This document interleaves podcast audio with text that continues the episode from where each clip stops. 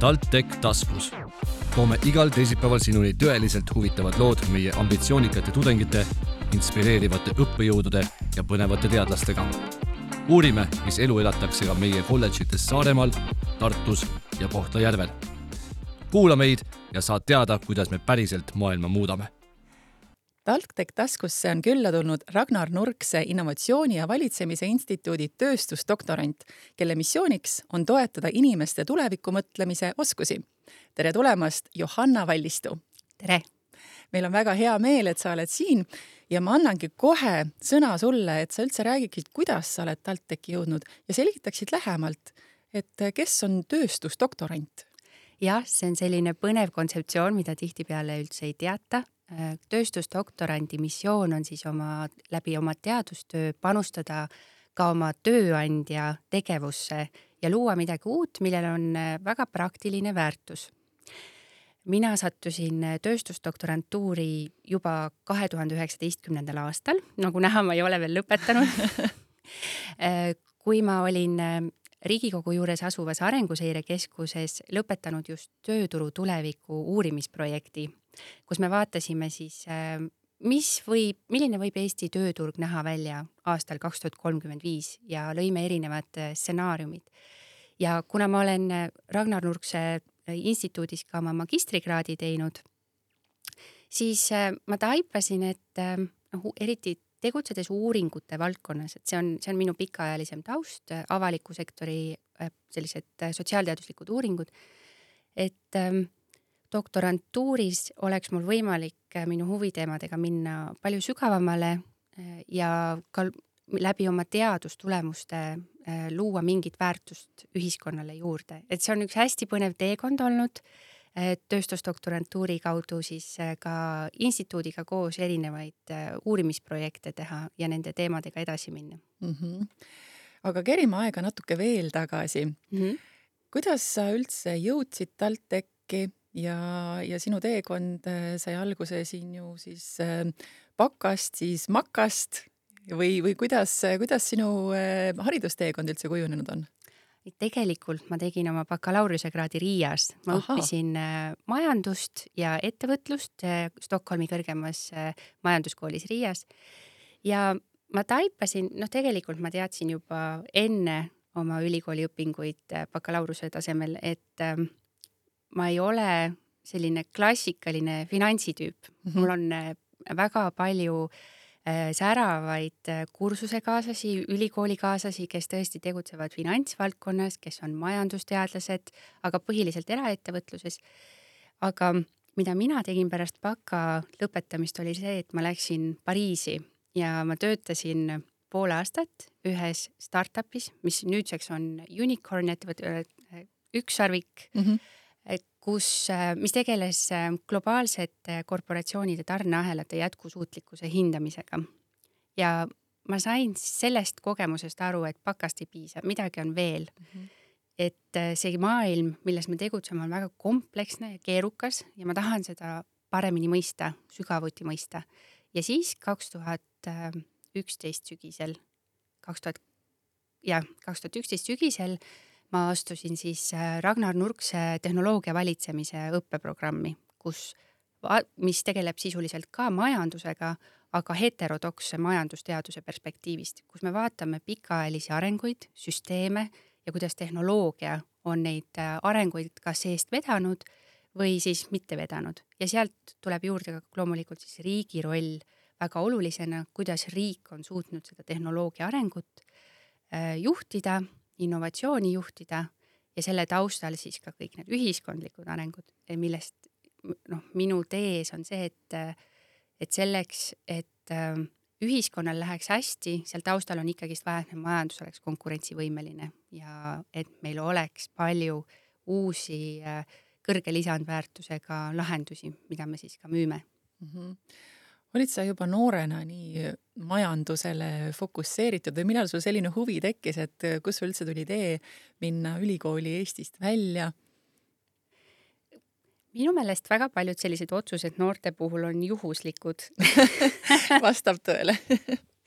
Minu teine alternatiiv oli minna romanistikat õppima Prantsu- äh,, Tartu Ülikooli, et äh, prantsuse keele erialale, aga ma sain aru, et äh, ma ei taha tulevikus ähm, võib-olla tõlkida teiste inimese, inimeste otsuseid ja mõtteid, vaid ma tahan neid ise teha ja lootsin sellele, et ma siis saan prantsuse keele muud moodi selgeks, et äh, natukene sain ka. ja kuidas sul täna prantsuse keelega lood? ma ütleks, et selline hea B2 tase võiks parem olla suht-, suheldes Pariisis said hakkama siis, ma saan aru? Äh, sain tellitud kohvi. väga tubli ja kui sa siis äh, olid magistri lõpetanud mis olid sinu mõtted siis, kuidas sa jõudsid edasi sealt äh, doktorantuuri? Või olid sul ka mingid muud äh, alternatiivid? alguses ma ei mõelnud üldse doktorantuuri peale, et äh, mul jäi selline viieaastane paus vahele, ma otsisin ennast karjäärialaselt, ma sain oma esimese ja teise lapse sellel ajal. Äh, ma tegutsesin uuringute valdkonnas, et äh, nagu ma ütlesin, siis äh, tegin erinevaid sotsiaalteaduslikke uuringuid, ma töötasin aasta aega vahepeal ka Tehnopolis grupis, mis uurib, uuribki innovatsioonisüsteeme, innovatsioonilahendusi. Ja sealt edasi ma sattusin juhtima ühte väga olulist uuringut Sotsiaalministeeriumile, tulevikutöö, paindlikud lahendused, mis käsitles siis erinevaid uusi töövorme. ja juba sealt ma hakkasin aimama, et äh, mul on olnud väga naiivne vaade ja arusaam sellest, kuidas tehnoloogia areng tööturgu mõjutab, kuidas ta inimeste elu mõjutab. ma arvasin, et äh, näiteks äh, platvormitöö, tol hetkel räägiti põhiliselt jagamismajandusest, on võimalus hästi mõnusalt, paindlikult tööd teha mm, -hmm. aga juba sealt hakkas selguma, et see võib tuua meile kaasa väga pikaajalisi struktuurseid probleeme, sest inimesed, sest riigid ei suuda luua sellele töövormile sobivat sotsiaalkindlustuspaketti mm. -hmm.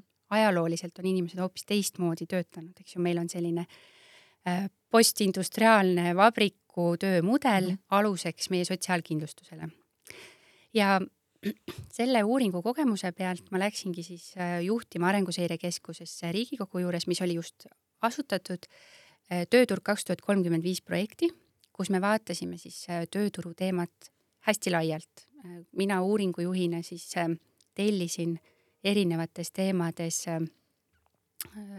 nagu siukseid toetavaid uuringuid, mis aitasid meil aru saada teemadest, mida me ei olnud tööturu puhul Eestis väga vaadanud varem või pannud neid ka tervis, terviklikult kokku mm. -hmm. ühest küljest äh, kogu virtuaalne töö, mis ei ole siis ainult platvormitöö, vaid ka see, mida me nüüd Covidi ajal nägime, eks ju, et me jäime kõik virtuaalsele Just. tööle korra. aga ka rändeteemad, mis äh, selle projekti jooksul juhtus, oli see, et äh, Eesti muutus väljaränderiigist sisseränderiigiks mm, -hmm. see oli hästi oluline paradigma muutus mm. -hmm. aga veel mõnda aega nii poliitikud kui poliitikakujundajad kui eksperdid rääkisid sellest, et äh, me oleme inimesi kaotamas. tegelikult nüüdseks me näeme, et see pilt on oluliselt muutunud mm. ehk siis sealt äh, tekkis see, see huvi tööturu teema vastu, ma sain ka aru, kui naiivne ma olin varem mm -hmm. olnud kogu tehnoloogia arengu vastu, tehnoloogia arengu osas. ja Ragnar Nurkse instituut tundus mulle selline hea kasvulava mm, -hmm tegelemaks äh, siis äh, tehnoloogia, avaliku sektori ja ühiskonna ristseostega, ristmõjudega, et, et mõista neid äh, kui selliseid vastandlikke protsesse ja tulla välja mm -hmm. sellest nagu ühest arusaamast, ühest narratiivist, et tegelikult me, me siiamaani ju ei tea, kuidas tehnoloogia mõjutab tööturgu kümne aasta pärast, kahekümne aasta pärast, kolmekümne aasta pärast mm. -hmm. et ka need tööturg kaks tuhat kolmkümmend viis stsenaariumid juba peegeldasid selliseid vastanduvaid ütleme, dogmaatilisi arusaamu, et sa oled ka kindlasti kuulnud nendest uuringutest, mis ütlevad, et et tehnoloogia automatiseerib kolmkümmend protsenti töökohtadest või siis teisest küljest on meil teadlasi, kes ütlevad, et, et ei, see mõju tõenäoliselt ei ole väga suur, et noh, see mhm. vastus mm -hmm. ilmselt on seal kuskil keskel. keskel just aga, aga need mõjud võivad äh, töökohtade automatiseerimisest ulatuda palju kaugemale ja selle, selleni välja, kuidas ühiskond toimib, kuidas ta on üles ehitatud, et mm, -hmm. et sellest ka see suurem fookus mm -hmm. platvormitööle minu uurimistöös. ja kuidas sa täna tunned nüüd, kui sul on äh, doktoritöö veel käsil ja, ja millal sul on, millal sul on eesmärk lõpetada ja kas sa tunned, et see nüüd oli, oli õige otsus? Muidugi oli õige otsus, äh, kuigi aeg tiksub, äh, läheb edasi, aga minu jaoks on see olnud üks hästi suur õppeprotsess. Ähm, ma olen selle sõnastanud enda jaoks niimoodi, et doktorantuur on harjutus teadlase eluks. Mm. Ja ma proovin endaga olla ka väga leebe, et äh, see küsimus alati doktorante ajab väga närvi, kui sa küsid, et millal sa lõpetama hakkad.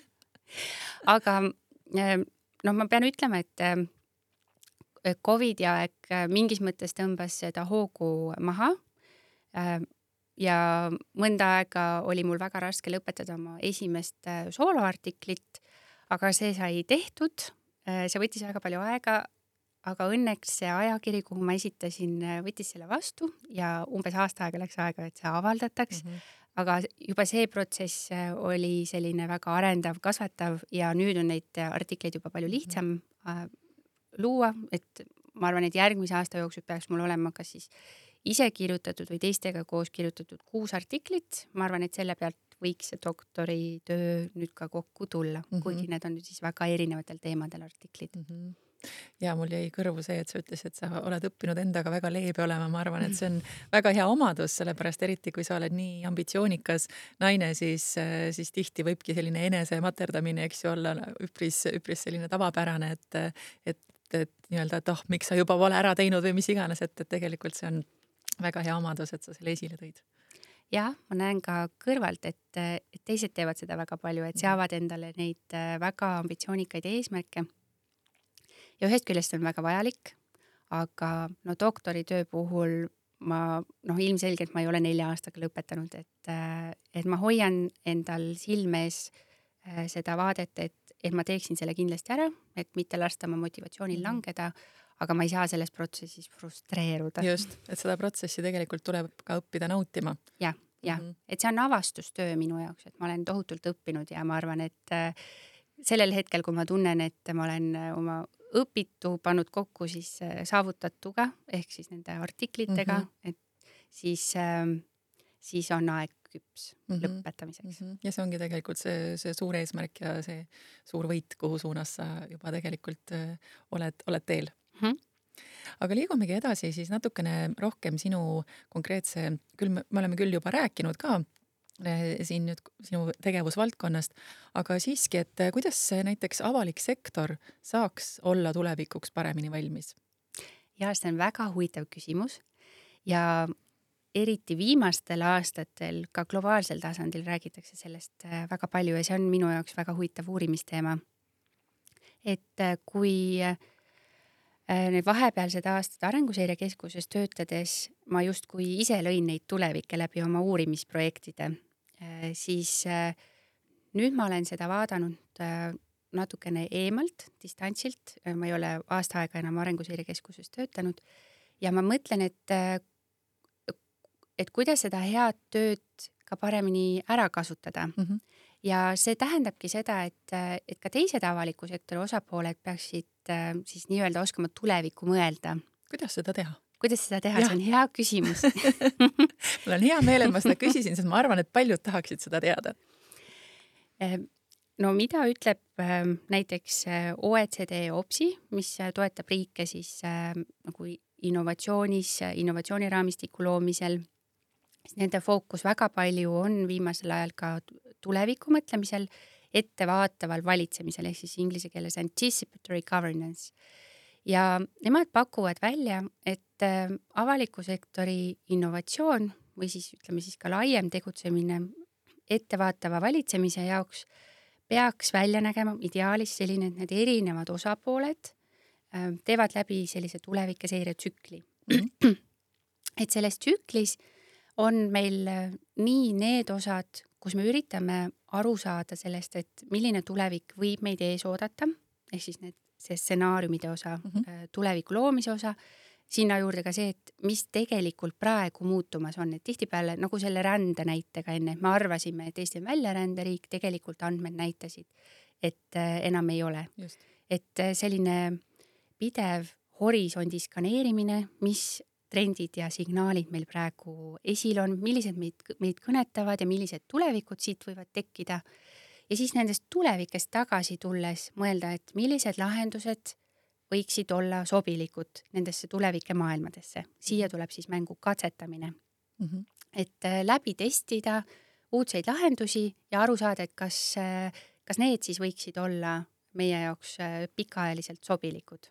et kui me oleme poliitikakujundusest tihti mõelnud niimoodi, et me üritame kohe esimese raksuga leida parimat lahendust mm. -hmm ja siis jääme selle juurde, isegi kui see ei toimi. noh, minu lemmiknäide on muidugi pensionireform mm, -hmm. kus äh, isegi olid olemas äh, stsenaariumid selle kohta, kui palju inimesed hakkavad saama tulevikus pensionit e, eelmise mudeli järgi, kui palju siis äh, nii-öelda vabaks lastud teise pensionisambaga hakkavad saama pensionit ja noh, kummalgi juhul ju ei äh, ole see pension piisavalt kõrge mm -hmm. või ootuspärane.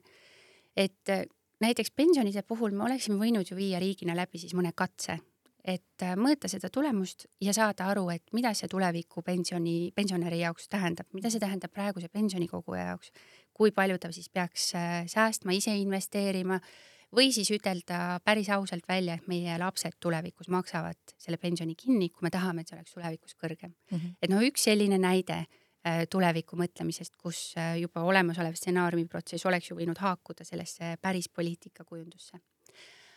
aga äh, noh, see tundub suhteliselt abstraktne ja keeruline mm, -hmm. kust alustada, on võib-olla sellised väikesed tuleviku mõtlemise harjutused, et nagu näiteks see, selleks on olemas palju erinevaid ägedaid meetodeid, ma olen nüüd viimasel, viimase aasta jooksul katsetanud ähm, kaasavat tulevikeseiret ja eesti keelde toonud ja kohati ka kohandanud äh, tuleviku mõtlemist äh, ja erinevaid selliseid töölehti. näiteks äh, ma viisin nii juunis kui septembris läbi ühe tehisintellekti teemalise tuleviku töötoa mm, -hmm. ühepäevane töötuba. esimeses töötoas siis osalesid üle platsi avaliku sektori inimesed, kes sellest teemast olid huvitatud ja teine töötuba oli siis spetsiifilisemalt Sotsiaalministeeriumile ja nendes töötubades me siis äh, koos äh, üritasime aru saada, et millised on äh, praegused trendid ja suundumused, mis meid tuleviku suunas viivad, siis millised on alternatiivsed tehisintellekti stsenaariumid, mida see tehisintellekt siis ikkagist tegema hakkab. ja no seal olid, mulle tundub, et peaaegu igas grupis olid suhteliselt sarnased, et kas ta siis äh, ikkagist näiteks toodab hästi palju äh, libainformatsiooni mm, -hmm. informatsiooni üleküllus tekib. Äh, me ei saa enam aru, mis on õige, mis on vale, et selline noh, düstoopiline maailm mm. -hmm. või siis see teine maailm, kus me oleme, või kus ta loob äh, eelduse sujuvamaks õppimiseks, selleks, et me ei peaks enam, et me saaksime informatsiooni teistmoodi kasutada mm. -hmm. et sellised väga kiired stsenaariumid ja siis tulla tagasi praegusesse hetkesse Äh, mis on jällegi, selleks on olemas teatud meetodid, kuidas seda teha või, või töölehed, mida me kasutasime, et mõelda, mis siis saab, kui on see üks või see teine maailm. noh, meil oli selline väga mustvalge lähenemine. Äh, ja mida meie teeme? Kas me hakkame nüüd koolides näiteks õpetajatele äh, neid kuidagi ette valmistama nendeks võimalikeks maailmadeks, et noh, paratamatult me ei saa piirduda sellega, et me ütleme tudengitele või õpilastele, et sa ei tohi tehisintellekti kasutada mm, -hmm. et sa ei pane seda džinni enam sinna purki mm -hmm. tagasi mm. -hmm. aga me näeme neid arenguid, ähm, me ei eita neid mhm. ja me kohandame oma tegevust mm. -hmm. et kuidas seda siis praktiliselt saaks äh, enda nii-öelda kasuks äh, rakendada mm, -hmm. mitte siis äh, nagu sa ütlesid, et, et see, et on seda info üleküllust luua ja,. jah, jah, et mulle tundub, et selle äh, tuleviku mõtlemise võti on oskus samastuda nende tulevikega või siis neid ise luua äh,, ise nii-öelda siis läbi mängida, minna sinna tuleviku sisse, erinevatesse tulevikesse. sellepärast ma kasutan ka tulevike seire, et äh, mhm. praegusel hetkel on meil väga palju erinevaid tulevikke, millega me peame arvestama, meil ei ole üks tulevik mm. -hmm. ja sa oled ka öelnud seda, et, et sinu jaoks on hästi huvitav äh, just ka ühiskondlik äh, tulevikutunnetus ja enne rääkisime sellest, et äh, mis puudutab äh, siis ka inimeste oskust unistada või siis vastupidi, äh, vähest oskust unistada. jah, täitsa tõsi. mõned töötoad, mida ma olen teinud viimasel ajal, keskenduvadki unistamisele ja see võib tunduda selline triviaalne teema, et mis mõttes saab keegi öelda, et me ei oska unistada, aga mida ma näen nendest töötubadest, on see, et äh, me oleme väga kinni selles, kuidas me asju teeme praegu. mulle meeldib eestlaste seas on hästi popp viimasel ajal öelda, et see, mis on meid toonud siia, ei vii meid enam edasi. Mm.. sa oled, eks ju, kuulnud seda? jah, aga nende tulevike seiremeetodite puhul, seal on selline konkreetne selline, ütleme, unistamise valdkond või visiooni loomise valdkond, kus sa kõigepealt üldse vaatadki, et mis on meid toonud siia, sest minevik määrab selle, kuidas me oskame üldse ette kujutada tulevikku minevik on äh, meile paika pannud mingisugused mustrid, mingid süsteemid, kuidas me asju teeme ja meil on väga keeruline sellest välja tulla, et äh, kui me teeme visiooni, äh, kõik organisatsioonid teevad visiooni mm, -hmm. ka inimestel endal on mingid eesmärgid mm, -hmm. siis tavaliselt seda osa ignoreeritakse, ei minda sügavuti mm. -hmm. ja need töötoad, mida ma teen, tegelevadki sellega, et alguses minna süsteemiga sügavuti, vaadata, kuidas me räägime sellest teemast ametlikul tasandil. näiteks äh, kaks nädalat tagasi ma tegin koos Riigikantseleiga töötuba noortele teadlastele, mhm. tead, teaduse tulevik, kuidas nemad siis teaduse tulevikku ette kujutavad. ja selle asemel, et minna kohe oma unistuste juurde või mõelda, milline see tulevik võiks välja näha, ma palusin neil alguses seda siis süsteemi analüüsida mm. -hmm. ja see on selline jäämäe meetod, et et äh, kas me, nad noh, siis kõigepealt vaatasid, et, ähm, et kuidas mm, teadusest räägitakse, meil on näiteks hästi palju artikleid, et teadlane ütles seda, meil oli näiteks teadusnõukoda, äh, kes valitsust kriisi ajal äh, nõustas, et mm -hmm. näiteks me näeme ajakirjandusest, et teadlased on mingis mõttes eksperdid, aga väga palju räägitakse ka teaduse rahastusest ja nii edasi mm. -hmm. aga kui me läheme sinna pinna alla, selle ütleme nähtava Äh, diskursuse alla, siis äh, me hakkame lahti arutama seda, et milline see süsteem üldse on. et kes on seal toetavad osapooled, millised on äh, poliitikad, seejärel kultuur, igal teemal on teatud kultuur, on mingisugused mõjuisikud, kelle arvamust me võtame arvesse.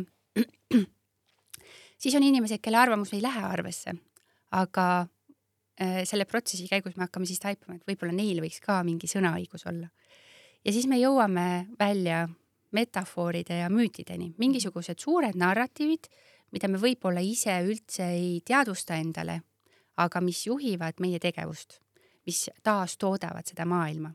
ja kui me neid arvesse ei võta, siis ükskõik millise visiooni me teeme, siis kogu see eelnev süsteem lihtsalt toodab ennast uuesti ise, need probleemid jäävad alles ja midagi ei muutu nii et äh, need nelikümmend viis noort teadlast, kes siis Tallinnasse kokku tulid kaks nädalat tagasi, saidki selle ülesande, et pärast seda, kui nad olid kogu, kõik need kihid lahti harutanud mm., mõtlesid uusi äh, narratiive ja metafoore teadlase elu kohta ja siis ehitasid selle uuesti üles mm. -hmm.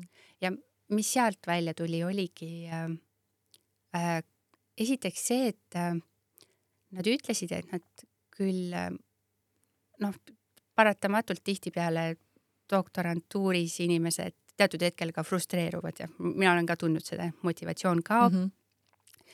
aga selle asemel mõelda, et kuidas paremini saaks, siis äh, inimesed hakkavad äh,, ma ei tea, muutuvad äh, kuidagi lepivad selle olukorraga mm -hmm. või äh, muutuvad kibedaks mm, -hmm. et mhm. nad ei, ei, ei pea enam sellist konstruktiivset vestlust, et kuidas me siis seda võiksime muuta, see tundub lootusetu mm. -hmm. et, et kui me olemegi leppinud sellega, et äh, noh, et doktorant ei peagi palju teenima näiteks või et doktorant ei peagi ähm, kohe võtma mingis uurimisteemas äh, äh, juhtrolli või, või noh, mis iganes asjad, äh, siis ähm, sealt ei hakka see süsteem ka muutuma mm. -hmm. et, et sellise huvitava asjaga ma tegelen ka mm -hmm. ja et öeldagi päris avalikult välja, kõik organisatsioonid, kõik inimesed peaksid rohkem unistama aga süsteemselt unistama, et sellel on ka oma teaduslik lähenemine olemas mhm, unistamisele mm. -hmm.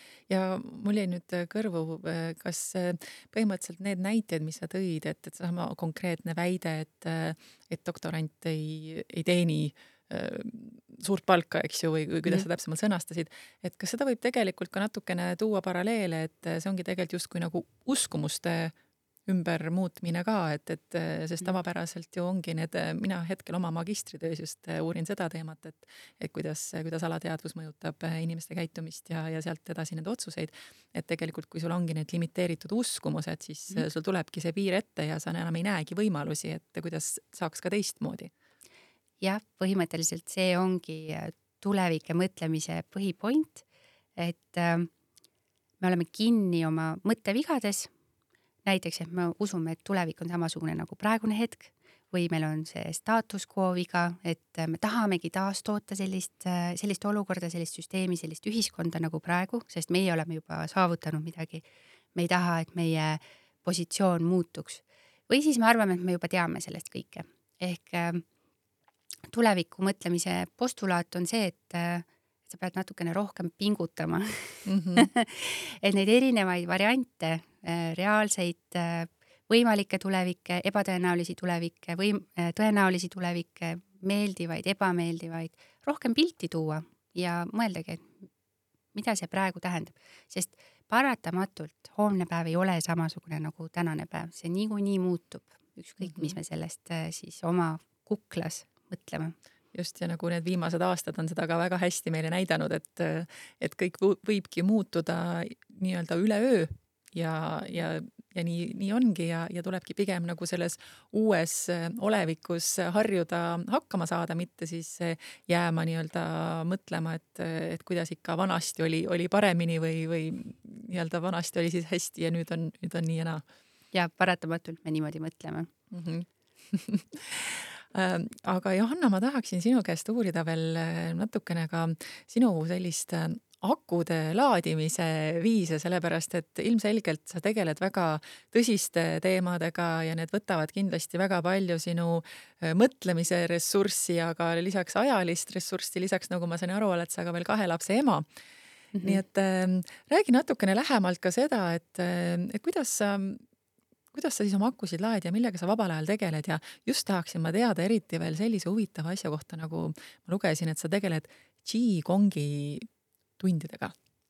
ja, ja tegelikult on lapsi kolm. ahaa, no vot. aga ja see on hea küsimus ja ma olen aru saanud aja jooksul, et et mul on selline hästi imelik aju, et ta tahab tegeleda kõikide maailma huvitavate teemadega, et sellepärast ongi neid erinevaid asju, millega ma tegelen väga palju. doktorantuuris erinevad, erinevad artiklid alati pooleli, siis erinevad sellised projektid, mis mu töölaual on. seda on tõesti väga palju, aga ma arvan, et kui mul oleks ainult üks asi, siis, siis oleks natukene igav ja mis seal salata, oma karjääri alguses mul oli selliseid momente, kus ma tundsin, et noh, et seda, seda maailma on liiga palju kui ma töötasin uuringute valdkonnas konsultatsioonifirmas, siis ma mäletan, et tihtipeale tähtajad olid üksteise otsas ja kõik asjad tuli ära teha, see oli väga stressirikas ja ma ma ei tea, neid tundeid oli väga palju, väsimus oli väga suur. ja ma läksin lihtsalt kaheksanädalasele vaikuseminutite koolitusele ja sain aru, et, et sageli need, ma ei tea, kas sa oled kuulnud vaikuseminutite koolitusest, see on selline. räägi sellest natuke lähemalt, et võib-olla kõik ei ole sellest kuulnud. vaikuseminutid on siis selline liikumine, mittetulundusühing, mis korraldab koolitusi mediteerimise, teadveloleku propageerimiseks või siis harjutamiseks, et neil on erinevaid koolitusprogramme, väga palju on nad teinud tööd koolides ja õpetajatega, aga ka eraisikud saavad siis minna seda programmi läbima mm. -hmm. ja see on teaduspõhine kaheksanädalane programm. minu meelest sai see alguse siis seitsmekümnendatel Ameerikas, mis on siis teadveloleku põhine stressi vähendamise lähenemine ja seda siis üle maailma inimestele õpetatakse mm, -hmm. Mis õpib, õpetab selliseid väga lihtsaid asju, mida me arvame, et me oskame olla praegu, praegu siin mm -hmm. hetkes oma kehas, oma mõtetega ja sellest sai alguse minu jaoks üks pikem teekond, mis on väga palju aidanud mul minu keerulise ajuga hakkama saada mis tahab kogu aeg erinevaid asju äh, algatada, uurida, teha e,. kus ma sain aru, et äh, inimene peab mõistma oma meelt minu meel tekitab mulle väga palju kannatusi mm. -hmm. et ka enne seda ma arvan, et see läbipõlemise taoline seisund, milles ma olin, ei olnud tingitud sellest, et mul oleks olnud liiga kiire, vaid sellest, et ma stressasin liiga palju mm. -hmm. ma mõtlesin nende asjade peale, mis on kõik veel tegemata, kõik need, äh, et kogu aeg on kiire, kiire, kiire. Ja see on hästi tavaline. see on mõtteviis. tavaline jah, ja, ja, ja siis äh, mõnikord ma näen ka kõrvalt, kuidas mõned inimesed jäävad sellesse kinni ja noh, ma ka ise siiamaani, kuigi sellel koolitusel ma käisin kaheksa või seitse või kaheksa aastat tagasi, siis siiamaani ma vahepeal ei oska aga ma proovin ja minu jaoks on sellel teekonnal siis kaks põhilist praktikat, üks on mediteerimine. Mediteerimine sisuliselt väga lihtne, viis kuni kümme minutit päevas istuda jälgida, mis mu mõtetes toimub. Ja anda sinna siis nii-öelda õhku juurde. ja teine ongi Qigong, mille ma avastasin äh, viis aastat tagasi. Ja mida ma olen nüüd regulaarselt teinud, mul on väga tore Taiwan'i õpetaja, ma käin kord nädalas tema juures Nõmmel tegemas siis sellist äh, rahulikku võimlust ja Qigongi siis äh, väga paljud Hiina inimesed näiteks teevad, et ta on Aasia maades väga levinud, kus mis on noh, sisuliselt meditatsioon liikumises. et mhm. see selline vaikne liikumine ja kord aastas ma siis ka ise korraldan ühte vaikuselaagrit Matsalus, kuhu ma kutsun oma äh, Qigongi õpetaja, siis tema abikaasa, abikaasa Miktamäe õpetab äh, mediteerimist ja, ja seal me siis oleme oma kambaga viis päeva vaikuses mm, -hmm. teeme looduses liikumist ja, ja istume selle jutu peale, ma ei tea, kas sina ka tunnetasid, aga mina tundsin, et siia stuudiosse tuli kohe kuidagi sihuke hästi mõnus, rahulik energia ja aura, nii et, et piisab ainult sellest rääkimisest ja mõtlemisest, kui tegelikult juba kohe tõmbab sul meele niimoodi rahulikumaks ja, ja, ja rohkem kohal olema, olema, olevas, olevaks. jah, ja üks selline suur taipamine Qigongist, mis mul just viimase aasta jooksul on tekkinud, on see, et kui ma vaatan neid Qigongi liigutusi ja, kes on kunagi tai chi'd teinud, siis äh, ka tunneb ära, et kui sa tahad minna vasakule, siis sa pead enne paremale ära käima. noh, et need asjad peavad hästi tasakaalus olema. Ja minu elus on ka nii, et äh, mul tekib selliseid perioode, kus äh, hästi palju on teha, mingi teadusartikkel on vaja ära lõpetada, ma pean mingi töötoa läbi viima, mõni laps jääb haigeks, et ma tunnen, et et elu hakkab nagu suruma väga tugevasti ja kui ma vanasti oleks öelnud, et jaa, ei, ma surun läbi, ma pressin läbi, ehm, noh, kuidagi. ikka siis, saan hakkama, eks ju, kui kuidagi ei saa, siis kuidagi ikka, ikka saan saab. hakkama. Eh, et see on justkui siis nagu kaks kõva kivi hakkaksid põrkuma, sealt ei mhm. tule midagi head, siis Qigongist ma olen õppinud seda, et eh, noh, lase minna, midagi ei juhtu, kui eh, see maailm ei lõppe ära, kui ma nüüd ühe päeva ütlen endale, et võta rahulikult ole lihtsalt, mul on mõnikord selliseid äh, päevi, isegi mõni tööpäev, kui ma tunnen, et nii, nüüd on liiga palju ja ma lihtsalt lähen keset päeva jalutama, noh, seda muidugi tegelikult peaks regulaarselt tegema. või lihtsalt ühe päeva tegelen millegi muuga ja siis on juba see rõõm asjade tegemisest tagasi mm. -hmm. ja ma olen ka kuulnud seda soovitust, et või õigemini väidet, et, et teinekord võibki olla just äh, probleem selles, et, et inimesed mõtlevad liiga sellise väikese äh, nii-öelda aja, ajaga, et kas siis mhm. nädalates või aastates, aga kui sa hakkad äh, mõtlema nii-öelda äh, kümnetes aastates, siis tegelikult äh, siis tulebki välja, et ah, mis see tegelikult see üks päev sinna-tänna ju kümne aasta pärast ju ei ole mingit vahet. jah, ja siia juurde ka üks äh, mõte äh, minu esimesest meditatsioonilaagrist, kus noh, see võib kõlada nii morbiidselt äh, või siis tundub selline baasiline teadmine, aga äh, kuus aastat tagasi, kui ma suvel esimest korda siis olin nädal aega Viljandis metsatalus sarnases vaikuselaagris, nagu ma praegu korraldan ise Matsalus siis viimasel päeval meie meditatsiooniõpetaja ütles, et ähm, jah, paratamatult lõpuks te kõik surete ära mm. -hmm. Ja hoida seda perspektiivi oma silma ees kõikides asjades, mida ma teen.